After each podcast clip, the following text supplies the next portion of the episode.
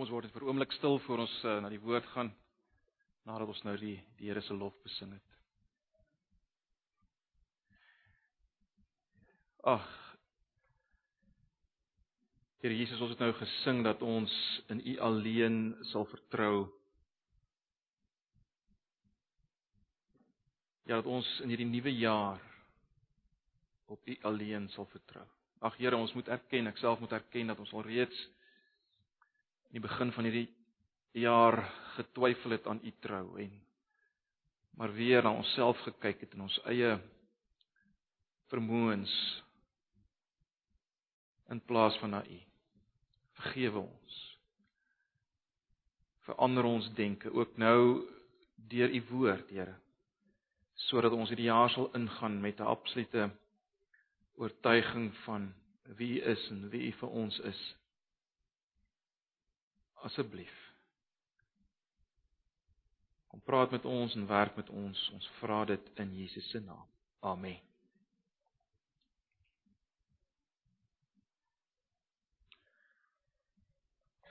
Kom ons bly volgens na Johannes hoofstuk 16. Kom ons bly volgens na Johannes hoofstuk uh Johannes hoofstuk 16.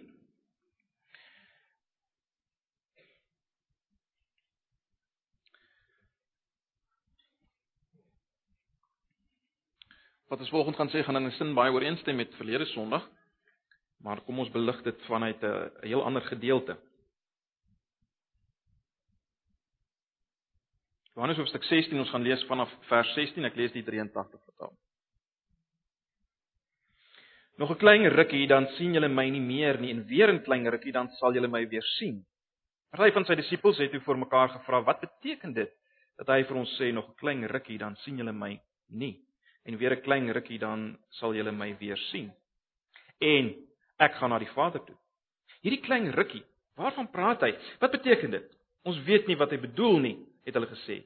Jesus het gemerk dat hulle vir mekaar uh, vir hom wou vra uh, dat hulle dit vir hom wou vra en hy sê toe vir hulle praat julle met mekaar daaroor dat ek gesê het nog 'n klein rukkie dan sien julle my nie en weer 'n klein rukkie dan sal julle my weer sien. Dit verseker ek julle, julle sal huil en treur, maar die wêreld sal bly wees. Julle sal bedroef word, maar julle droefheid sal in blydskap verander. 'n Vrou kry swaar wanneer haar tyd gekom het en haar kindjie gebore word, maar wanneer die kindjie gebore is, dink sy nie meer aan die pyn nie. So bly sy dat daar 'n mens in die wêreld gekom het. Net soos julle ook nou bedroef, maar as ek julle weer sien, sal julle harte vol blydskap wees. En niemand kan julle blydskap van julle af wegneem. Daardie dag sal julle nie meer vra aan my stel nie. Dit verseker ek julle, wat julle die Vader ook al in my naam sal bid, dit sal hy vir julle gee. Tot nou toe het julle nog nie in my naam gebid nie. Bid en julle sal ontvang sodat julle blydskap volkome kan wees. Dit het ek deur beeldspraak vir julle gesê. Daar kom 'n tyd wanneer ek nie meer deur beeldspraak met julle sal praat nie, maar julle regheid van die Vader sal vertel. Van daardie dag af sal julle in my naam bid en hoef ek nie julle voorspraak by die Vader te wees nie, want die Vader self het julle lief. Omdat julle my liefhet en glo dat ek van God gekom het. Ek het van die Vader gekom en ek is hier in die wêreld. Nou verlaat ek weer die wêreld en ek gaan na die Vader toe. Sy disippels sê toe: "Kyk, nou praat u reguit en gebruik nie beeldspraak nie. Nou weet ons dat u alles weet en niemand hoef u verder uit te vra nie. Ons glo nou dat u van God gekom het." Daarop sê Jesus vir hulle: "Glo julle nou? Kyk, daar kom 'n tyd en dit is nou al hier, dis nou al hier dat julle uitmekaar gejaag sal word, elkeen sy eie koers in en dat julle my alleen sal laat. En tog is ek nie alleen nie, omdat die Vader by my is. Dit sê ek vir julle sodat julle vrede kan vind in my. In die wêreld sal julle dit moeilik hê, maar hou moed. Ek het die wêreld klaar oorwin.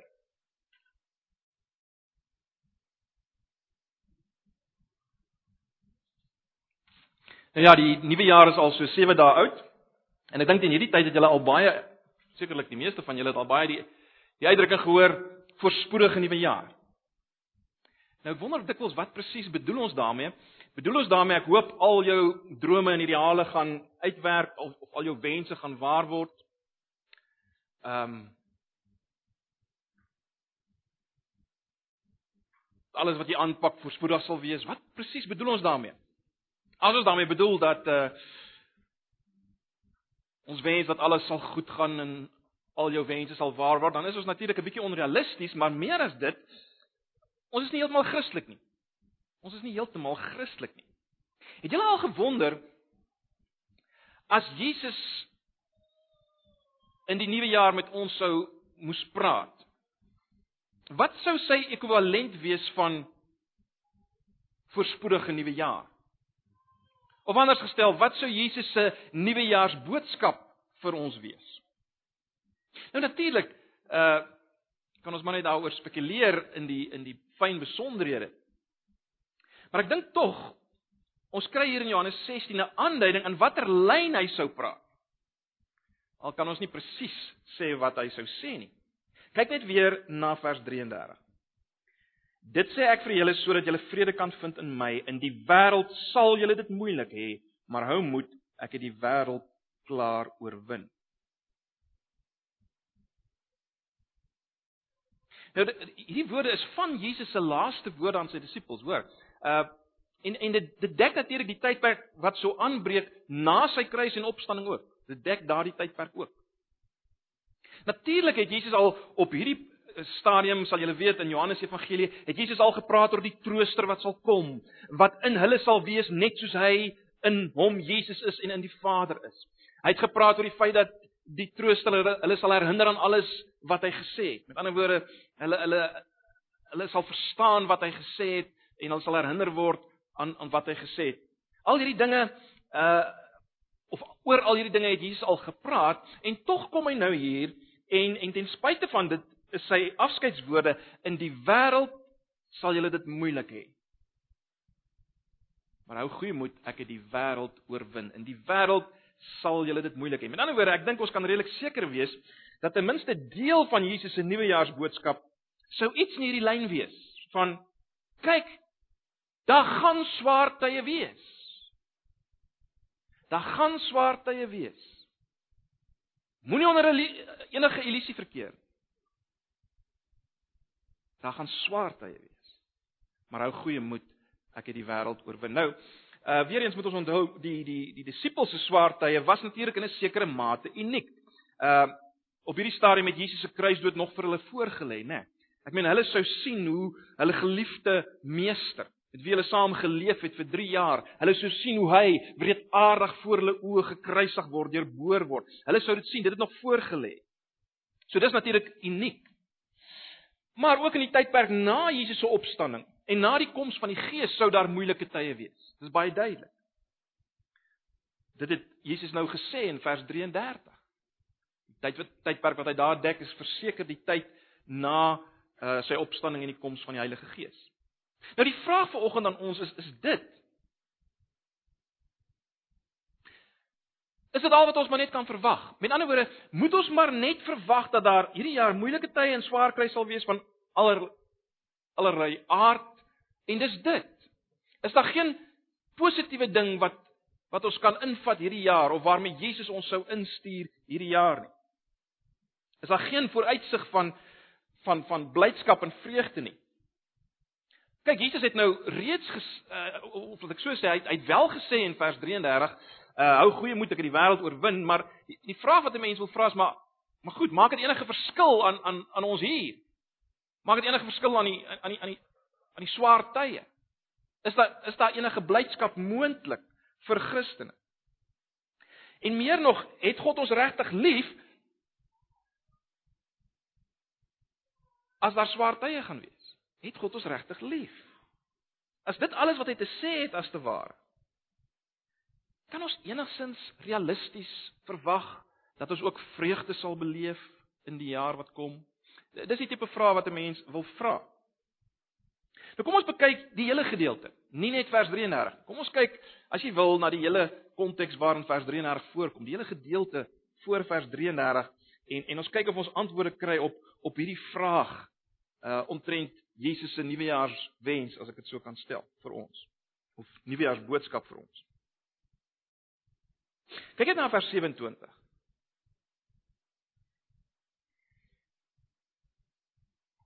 Kyk na vers 27, want die Vader self het julle lief.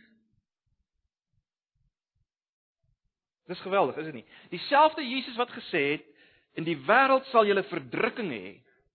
Dieselfde Jesus wat dit gesê het, sê die Vader self het julle lief. Dis geweldig. Dis geweldig. So as ons uh, enigstens wonder oor die Vader se liefde, hier kom Jesus en hy hy stel dit as 'n baie duidelike punt. Die Vader self het julle lief. Maar kom ons kyk bietjie na na dit wat staan voor vers 27 want dit help ons om om om om om beter te verstaan ehm uh, wat ons gaan beleef in hierdie tyd en hoe die Vader se liefde in ons lewens ook gaan uh gaan sigbaar word. Kom ons kyk na 'n paar dinge voor vers 27. In vers 22 eh, beloof Jesus blywende blydskap aan sy disippels. Kyk 'n bietjie net na vers 22 weer. Net so is julle ook nou bedroef, maar as ek julle weer sien, sal julle harte vol blydskap wees en niemand kan julle blydskap van julle af wegneem. Die disippels is natuurlik hartseer op hierdie stadium. Hulle hulle hulle, hulle is bedroef omdat Jesus weggaan. Nou die weggaan van Jesus verwys natuurlik sy uh, na sy kruisiging. Maar Jesus sê ek sal julle weer sien en daarmee bedoel hy natuurlik uh niks anders nie as sy opstanding en hy sê julle harte sal vol blydskap wees en letterlik het dit so gebeur as mens nou verder lees in Johannes 20 vers 20 dan sien mens dit letterlik het gebeur dit so maar baie baie belangrik Jesus sê ook niemand kan julle blydskap van julle wegneem nie. Met ander woorde, hierdie blydskap wat veroorsaak gaan word deur Jesus se opstanding, gaan 'n blywende effek hê. Dis nie maar net iets wat uh eenmalig gaan wees, 'n blydskap wat opgewerk gaan word en gaan dit weer verdwyn nie. Jesus sê niemand kan dit wegneem nie. Met ander woorde, Jesus se opstanding gaan 'n nuwe bedeling inlei Dis die begin van die die hele herskepping waarmee God besig is. Hierdie bedeling waar die trooster ook gaan kom. Die bedeling waarvan ons nou deel is. In hierdie bedeling sê Jesus sal niemand julle blydskap kan wegneem. Dit is baie interessant as as ehm um, as Jesus sê in julle hart sal bly word, daai frase in julle hart sal bly word, uh kry mens presies so in die Griekse vertaling van die Ou Testament in Jesaja 66 vers 14 en daar verwys dit ook na die die bedeling wat gaan kom. Jy sien dit staan vas, dis vas. Hierdie blydskap het te maak met dit wat Jesus gedoen het deur sy kruis en opstaan. Al sien ons hom nou nie. Uh, ons sal nou daarby kom hierdie jaar by 1 as ons 1 Petrus doen, maar in 1 Petrus 8 1 uh, Petrus 1 vers 8 tot 9 sê Petrus, uh al sien ons hom nie, is ons vervul met 'n onuitspreeklike blydskap.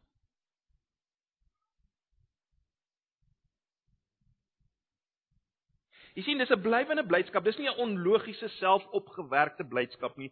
Dis gebou op die verlossingswerk van Jesus. En dis waarvan Jesus hier praat. Ons kyk dit gaan na vers 25. In vers 25 sê Jesus daardie dag, hy wys na dieselfde tydperk. Daardie dag sal julle nie meer vra aan my vra nie. Nou wat presies bedoel die Here Jesus? En, uh, hy kan daarmee bedoel julle gaan nie meer vir my iets vra nie, julle gaan direk die Vader iets vra. Maar meer waarskynlik bedoel hy daarmee dat uh die disippels gaan nie meer nodig hê om heeltyd vir hom te vra oor die nuwe verbondsbedeling nie, om inligting van hom te kry nie. Hulle sal begrip hê daarvan. Hulle sal sal dit weet, want dit het aangebreek. Onthou op hierdie stadium uh waar Jesus met hulle praat was was niks nog duidelik nie. Hulle het hulle het nie verstaan van sy lyding wat gaan kom nie. Hulle het nie verstaan van die nuwe bedeling wat gaan aanbreek van die Gees nie. Hulle het dit nie regtig verstaan. Die, die die punt wat ek wil maak en wat ons moet raak sien is dat die blydskap wat Jesus beloof vir die disippels in hierdie tyd en die blydskap wat ons van seker kan wees is gebou op dit wat gebeur het. Dit wat vas vas is, nê. Nee, dis die manier hoe die blydskap na ons toe kom. Dit het niks te maak met maar net 'n vrolik vrolikheid wat ons self opwerk deur op 'n of ander manier of as gevolg van een of ander goeie ding wat met ons gebeur het. En dan kom Jesus en hy Hy kom praat oor gebed. Wat nog meer wys hoe hierdie blydskap in hierdie tyd na ons toe kom. Nou Jesus het verskeie kere al gepraat oor gebed op, tot op hierdie punt Johannes 14 uh vers 13 en 14. Maar nou kom hy en hy hy kom praat weer oor gebed. Kyk net weer na vers uh vers 23. Van vers 23. Dit verseker ek julle wat julle die Vader ook al in my naam bid, sal hy vir julle gee. Tot nou toe het julle nog nie in my naam gebid nie. En julle sal ontvang sodat julle blydskap volkome kan wees. Baie interessant. Bid en julle sal ontvang sodat julle blydskap volkome kan wees. Dit lyk vir my die die die, die hele roete na vreugde is die is die pad van gebed. Dis wat Jesus hier duidelik maak. Hy gaan verder in vers 26 en hy sê van daardie dag af sal julle in my naam bid en hoef ek nie julle voorspraak by die Vader te wees nie, want die Vader self het julle lief. Dit uh, die uitspraak waarna ons nou net gekyk het. Ons dink 'n bietjie hieroor. Ons dink 'n bietjie hieroor. Wat bedoel Jesus as hy as hy sê dat ehm um, as hy as hy hierdie woorde uitspreek? Van daardie dag af sal julle in in my naam bid en hoef ek nie julle voorspraak by die Vader te wees nie, want die Vader self het julle lief. Wat bedoel hy? Gaan hy nie meer 'n voorspraak wees nie? Ontken hy sy middelaarsrol? Hoe moet ons hieroor dink? Wel waarskynlik broers en susters, julle sal sien hy hy praat van die feit dat hulle in sy naam sal bid. En waarskynlik wat Jesus hier probeer doen as hy klem lê op die Vader self het julle lief.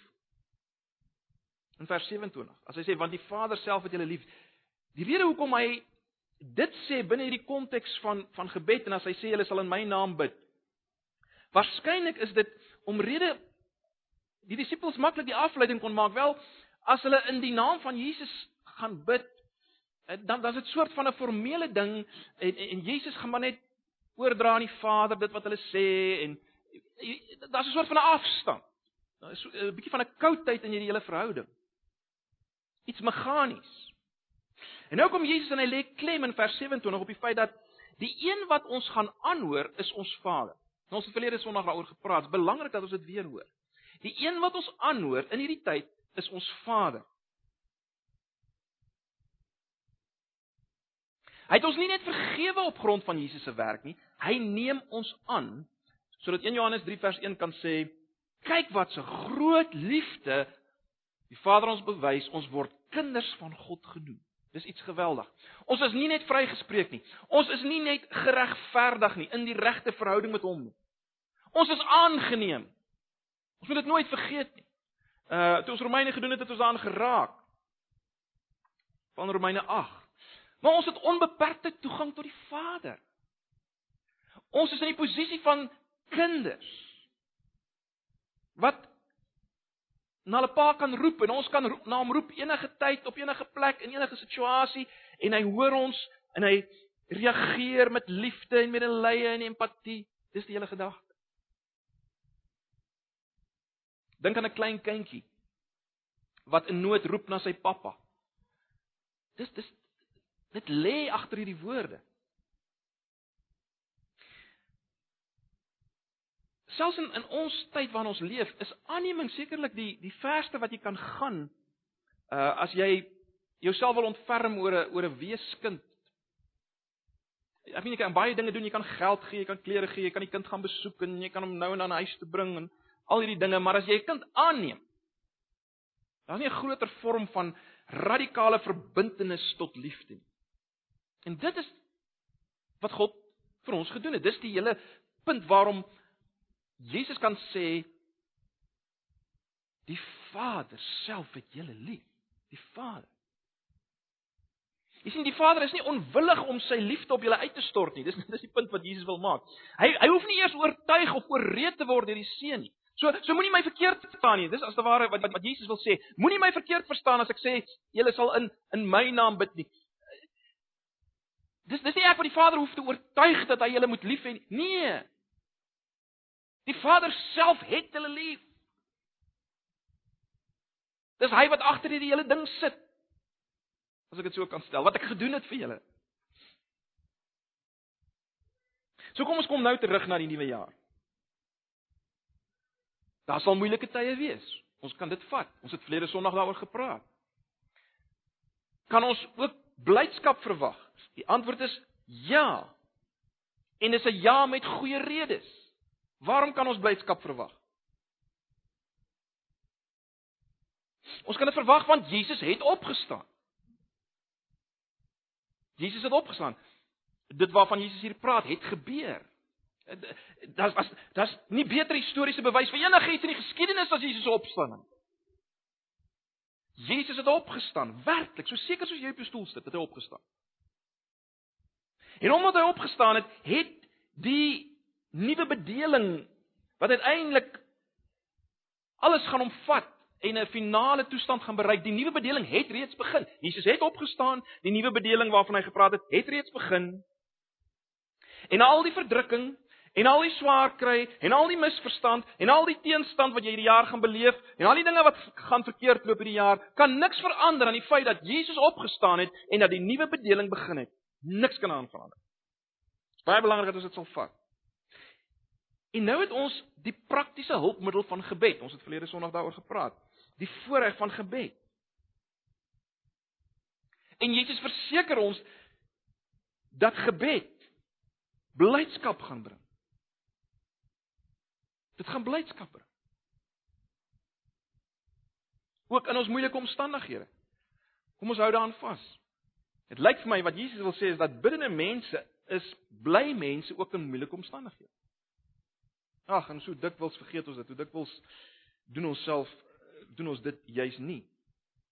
Maar baie belangrik. Die Vader self het ons lief. Ons moenie te vinnig hieroor beweeg nie. Die Vader self het ons lief. Die almagtige Skepper onbegryplike groot wese het my lief.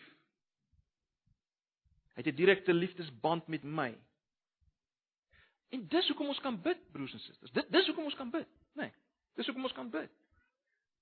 Dis hoekom ons kan kophou in die donkerte. Uh En hierdie liefde is vas. Dit is baie interessant hoe hoe hoe uh hoe Jesus dit as te ware die Vader se liefde kontrasteer met die disippels. In vers 32 noem hy die feit dat die die disippels sal hom verlaat. Met ander woorde, hulle liefde is maar wispelturig. Hulle sal homself verlaat.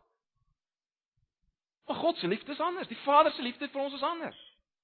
Dis nie wispelturig nie. Ons is ons is geneig om te dink as ons in die moeilikheid beland, uh is God nog lief vir my? Wel, die, die punt wat ons vanoggend moet vas moet vat is dit: God het sy kinders lief. Selfs as hy besig is om hulle uh, as te ware te tugtig te dissiplineer, het hy hulle lief. Selfs wanneer hulle gesondig het, het hy hulle steeds lief. Net soos jy jou kind liefhet, al maak hy droog. Ook as ons lou geword het soos die gemeente van Laodicea in Openbaring 3, het die Vader ons steeds lief. Hy het ons reeds lief gehad. Ag en ons weet dit, broers en susters, ons het dit in Romeine gesien, né? Hy het ons reeds lief gehad toe ons nog sondaars was, goddeloses was, vyande van God was. Hoeveel te meer nou dat ons kinders is, aangeneem is? Hoeveel te meer nou? Ons vorm deel van die kring van die Vader se liefde. In Johannes 5 vers 20 lees ons die Vader het die seun lief.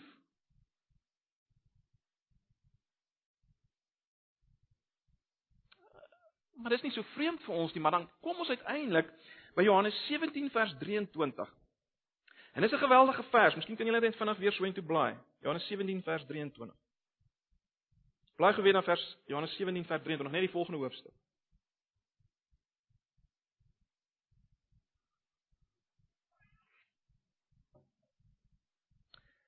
Ek in hulle en u in my sodat hulle volkome een kan wees, sodat hulle die sodat die wêreld kan weet dat u my gestuur het en hulle liefhet net soos U my liefhet en hulle liefhet net soos U my liefhet.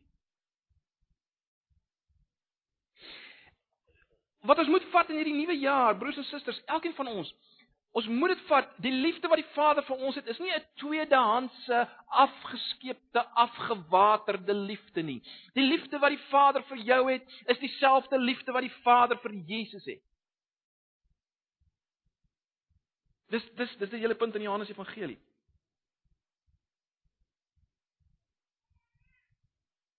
En daarom kan ons dit nie vergelyk met feilbare menslike liefde en ons eie liefde nie. Daarom is daar ook genade vir die wat swak is, vir die wat gestruikel het. Hierdie liefde is uh, want hierdie liefde is gegrond nie op ons prestasie nie, maar op Jesus se oorwinning, né? Dit is interessant in vers 32 ek het net nou daarna verwys voorspel Jesus dat sy disippels sal hom alleen laat, sal hom in die steek laat. Né? Nee, hulle sal hom in die steek laat. Maar dan gaan hy verder en hy in in en hy en hy kyk as te ware in vers 32 verby hulle mislukking. En hy eindig in vers 33, die vers waarmee ons begin het, en hy sê vir hulle: Dit sê ek vir julle. Wie is die julle waarmee hy praat? Die ouens wat hy sê gaan hom verlaat. Gewegvlug van hom. Vir hulle sê in vers 33, dit sê ek vir julle, sodat julle vrede kan vind in my. In die wêreld sal julle dit moeilik hê, maar hou moed, ek het die wêreld klaar oor want hy sê dit vir hierdie ouens wat hom wat hom gaan verlaat. Jy sien hy kyk verder, hy kyk deur.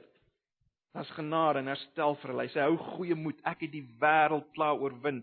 Ons kan moed hê want Jesus het oorwin.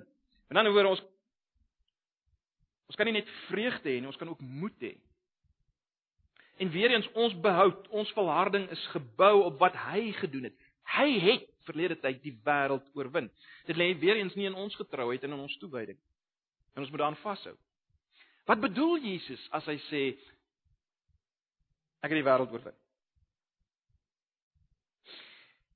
Wel ek dink die beste manier om dit waarskynlik te verstaan is, is so deur Jesus se kruis en sy opstanding en sy verheerliking waarmee hy ons verlossing bewerk het. Deur dit alles maak hy die wêreld se oppositie, die wêreld se se teenkanting sinneloos.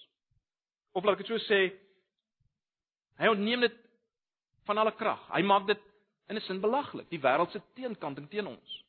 Deur sy kruis, sy opstanding en sy verheerliking.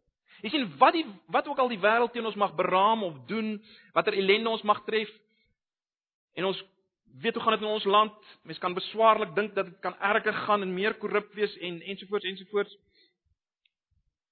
Maar niks van hierdie goed kan ons verlossing skaad en ons vrede met God vernietig nie.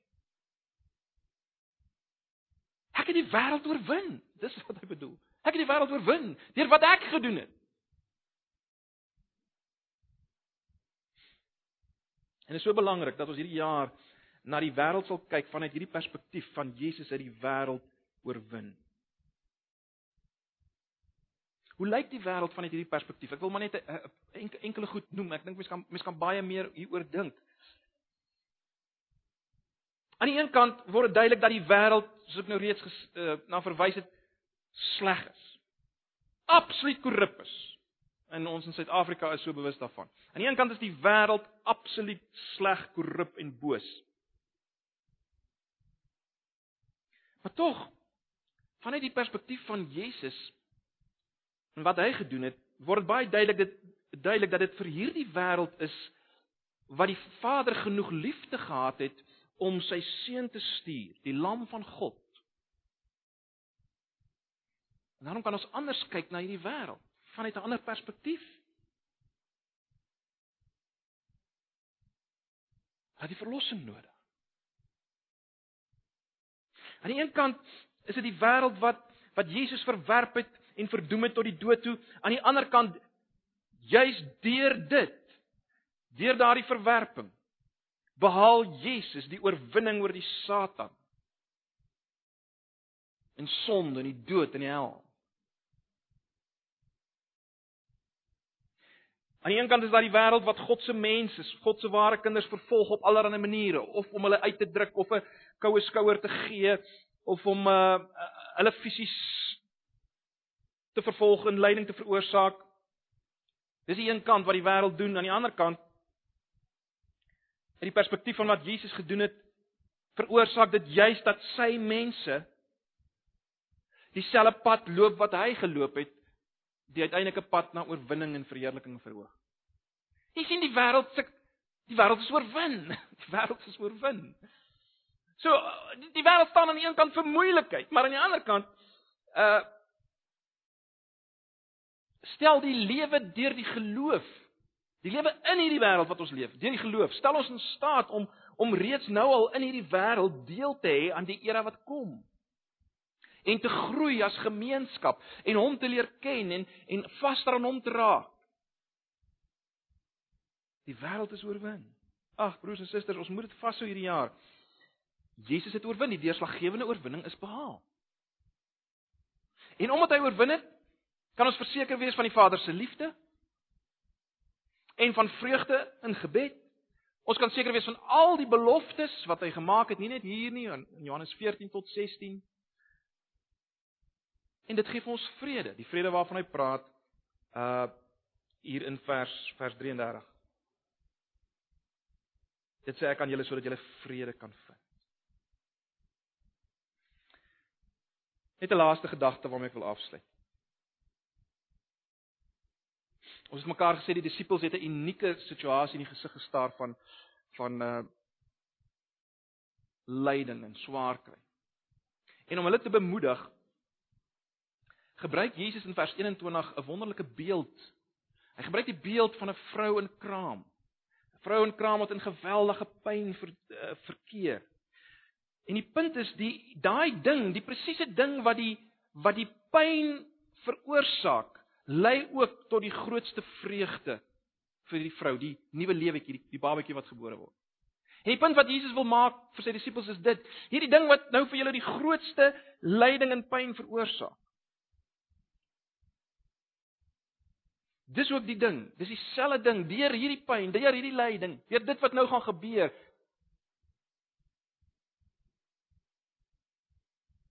Gaan julle ook die grootste vreugde beleef en gaan ek verhoging beleef en verheerliking en opstanding. En julle die nuwe bedeling. En broers en susters, die punt is in die hand van Jesus die oorwinnaar word elke swaar kry en teenkanting lyding in hierdie bedeling of laat ek dit so stel. Elke stuk swaar kry en lyding en teenkanting in hierdie wêreld wat ons beleef in die hand van die oorwinnende Jesus word dit so. Daai selfde ding word onder Jesus se hand verander tot ons grootste vreugde. Dis die dis die geweldige vertroosting. Dis die geweldige vertroosting. As Jesus sê in vers 33, hy het die wêreld oorwin deur sy dood en opstanding en verhoging, dan dan weet ons Hierdie beeld is ook geldend vir ons. Dit geld ook vir ons. Dit geld vir ons. Die presiese dinge wat ons hartseer bring kan bronne van vreugde word in die hande van die opgestane Jesus. En dit moet ons vashou. Dit moet ons vashou. Net so seker, net so seker soos die lyding en Godverlatenheid aan die kruis uiteindelik die middel word tot Jesus se se grootste vreugde en sy oorwinning en sy verhoging aan die regterhand van die Vader en die nuwe bedeling vir sy mense, net so seker. So ek sluit af. As Jesus aan die begin van 2018 vir ons, met ander woorde, 'n nuwejaars boodskap sou gee, sou dit verseker in hierdie lyn wees. Ja, dan gaan swaar kry van allerlei aard wees. Ons het verlede Sondag bietjie daarna gekyk.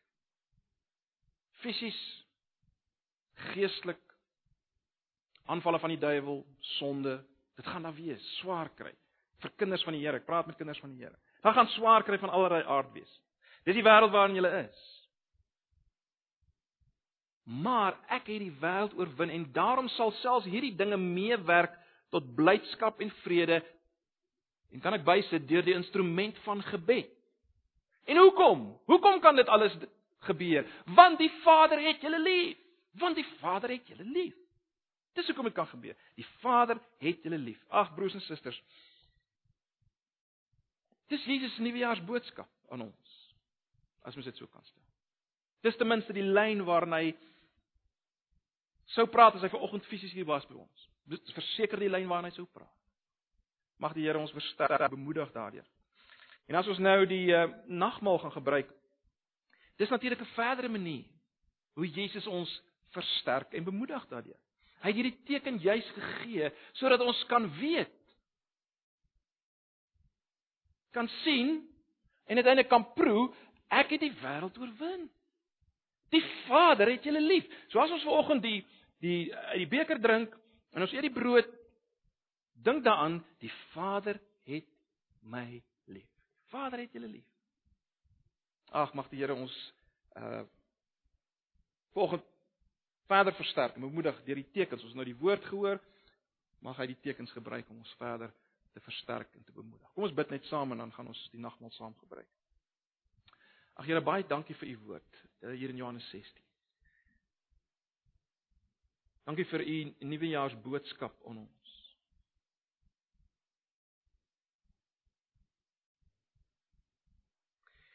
Dankie dat ons hoop kan hê. Dankie dat ons vastigheid kan hê. Here, ons bely in hierdie oggend dat ons dikwels nie vashou aan hierdie waarheid. Daarom mis ons uit op baie vreugde. Ons bely dat ons nie bid nie. Daarom mis ons baie vreugde. Maar dankie dat U ten spyte van al hierdie dinge ons nie los nie en dat ons kan weet dat U ons liefhet en dat U vanoggend vir ons wil sê ten spyte van al ons sonde en ons tekortkominge en ons wegbeur van U dat U vir ons wil sê vir die wêreld oorwin. Hou goeie moed. Ag Here baie dankie daarvoor. Wil U ook nou kom en ons versterk en ons bemoedig deur die teken van die nag. Ons vra dit in Jesus se naam. Amen. Vandat jy die Jakobus net vir ons kan help